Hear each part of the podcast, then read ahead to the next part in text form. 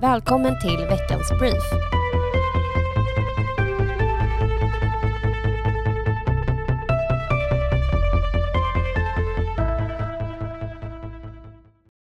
Hej och välkommen till veckans avsnitt av Stockholmpodden. Det har varit en händelserik tid i politiken och därför hög tid för ett avsnitt med en brief. Med er för att presentera detta är jag Celine Alfredsson och den nu välbekanta rösten får man väl ändå lov att säga Disa Nilsson. Hej Disa! Hej!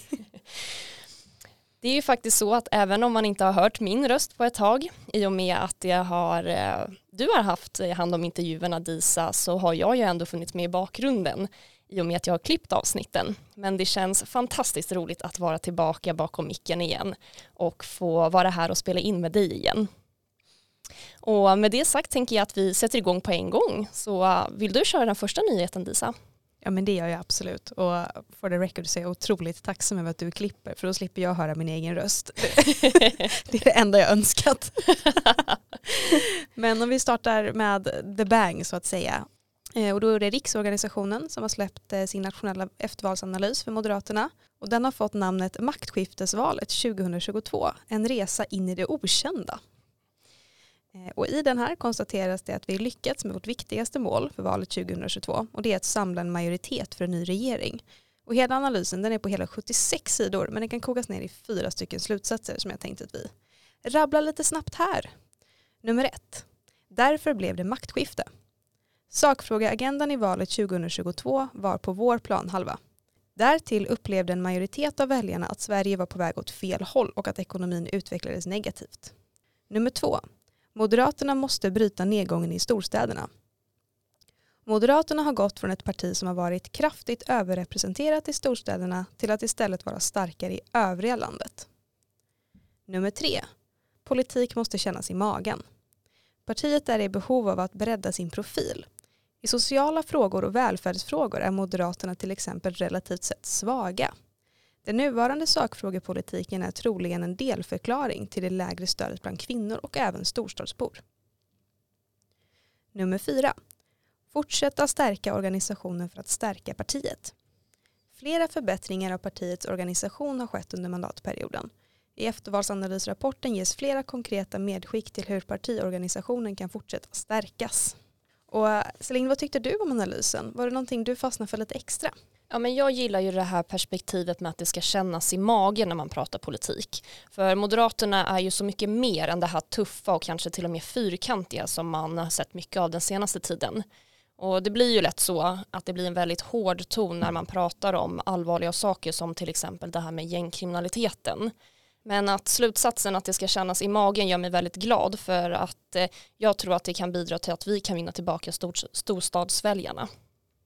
Ja men där håller jag verkligen med dig. Eh, och sen tyckte jag även punkten om organisationen var bra. och det var en mening i eftervalsanalysen som fastnade för mig. Och den var partiledningar kommer och går men partikansliet måste alltid bestå. eh, men där är man väl kanske lite partisk när man är anställd på ett kansli. Dock väldigt viktiga uppgifter. Precis, som den här podden. Precis.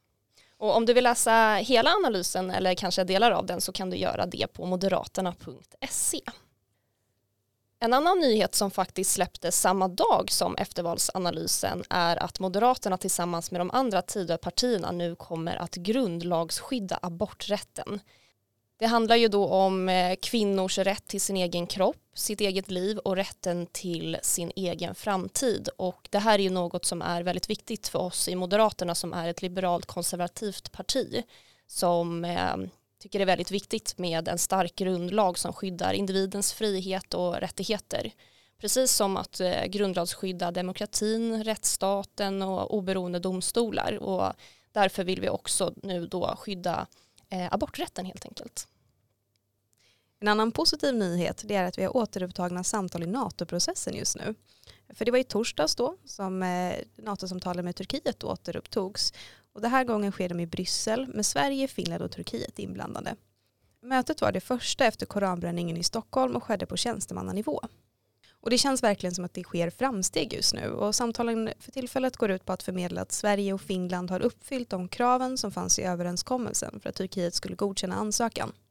NATOs generalsekreterare Jens Stoltenberg anser att Turkiets nya krav om att förbjuda koranbränningar inte ska påverka överenskommelsen och därmed inte heller vara ett hinder för att godkänna vår ansökan. Jens Stoltenberg har även i veckan besökt Ulf Kristersson tillsammans med övriga partiledare som är för ett NATO-medlemskap och diskuterat detta. Ni som har lyssnat på vårt tidigare avsnitt har fått en inblick i vad som händer i Botkyrka. Den 18 mars kommer Socialdemokraterna i Botkyrka ha ett årsmöte där en ny gruppledare kommer att väljas och således även bli kommunstyrelsens ordförande. Det har varit en väldigt stor tillströmning av medlemmar till det här årsmötet och ett 90-tal nya medlemmar har inte godkänts då det har funnits tveksamheter kring deras medlemskap. Och det har ju varit eh, väldigt många turer kring detta och om du vill höra mer om det här så kan du lyssna på förrans avsnitt där vi gästades av Moderaternas kommunalråd Stina Lundgren som gav en liten inblick från insidan.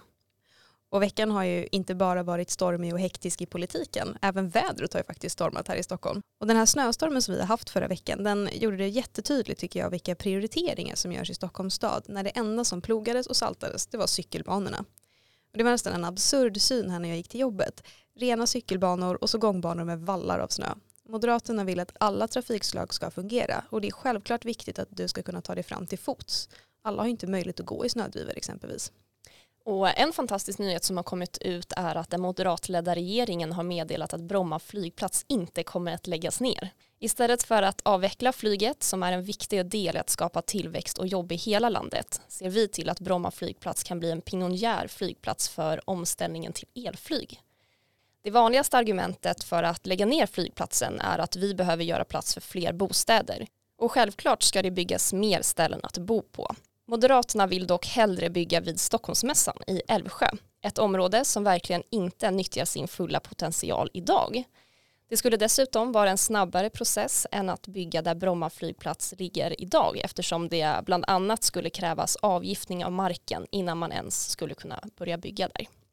Ett annat tydligt exempel på hur det kan bli när vänstersidan tar över makten det är Socialdemokraterna i Region Stockholm som just nu håller på att montera ner kvinnovården genom den underskottsbudget som de la i höstas. Och oförmågan att prioritera hos vänsterstyret ger bland annat färre vårdplatser inom kvinnosjukvården på SÖS, eh, en borttagen akutmottagning för våldtagna och en avveckling av över 40 stycken specialiserade gynekologmottagningar i länet. Eh, och det här är ju självklart inte så vi förbättrar sjukvården. Vi behöver bli bättre och inte sämre när det kommer till kvinnosjukvården. Moderaterna kräver därför att nedskärningarna stoppas. Och till sist lite nyheter från fältet. Och det har ju kampanjats friskt i hela länet trots det kalla vädret, vilket är helt fantastiskt. Disa, du kan väl berätta lite mer om vad som har, eh, vad det har kampanjats kring? Ja men absolut och det ska verkligen alla som är ute i ur och skur ha med sig som en stor eloge att ni är ute. Det är viktigt att möta väljare i alla väder och de uppskattar också att vi är ute i alla väder. Eh, och det första vi har gjort eh, sen vi pratade sist det var att på alla hjärtans dag då hade vi många föreningar kampanj. Det tror jag till och med vi nämnde i förra veckans brief att vi skulle ha. Eh, och vi på förbundet tog fram ett material med budskapet vad är din hjärtefråga? Och vi tog även fram en trygghetskampanj som fortfarande används hos föreningarna i samband med det här. Precis, och sen har vi ju även haft en lokal kampanj som blev väldigt lyckad på Norr Mälarstrand som eh, hade att göra med att det nya styret i Stockholms stad väljer att ta bort hela 268 boendeparkeringar som de istället vill göra till besöksparkeringar. Och det här har ju redan införts första mars mm. och det här är ju utan att ge de boende andra alternativ som har då gjort de boende väldigt frustrerade såklart. Dessutom så höjer de avgifterna för att stå där även om Moderaterna fick igenom en halvering av de höjda priserna. Ja, och det var en otroligt lyckad kampanj, precis som du sa. Och jag tror att det är viktigt med det här lokala perspektivet, för att det är klart att du kan prata väldigt högt upp. Men vi har ju politik på alla områden, även längst ner så att säga. Och det, ibland är det de minsta frågorna som blir de största i slutändan. Så att ta med i det, våga prata lokala frågor, det är viktigt. Ja men verkligen vi vill ju finnas där och se den lilla människan i vardagen. Det är väldigt viktigt. Ja, i slutändan är det väl det som politiken ska handla om. Precis. Mm. Och i onsdags, då var det 8 mars, den internationella kvinnodagen. Och vi på Stockholmsförbundet uppmärksammade den här dagen genom en film som heter Jag äger. Eh, och det skedde även jättemycket kampanjer om lön, kvinnovård och företagande runt om i Stockholms län. Det dåliga vädret till trots, för det var ju faktiskt den värsta dagen i snöstormen.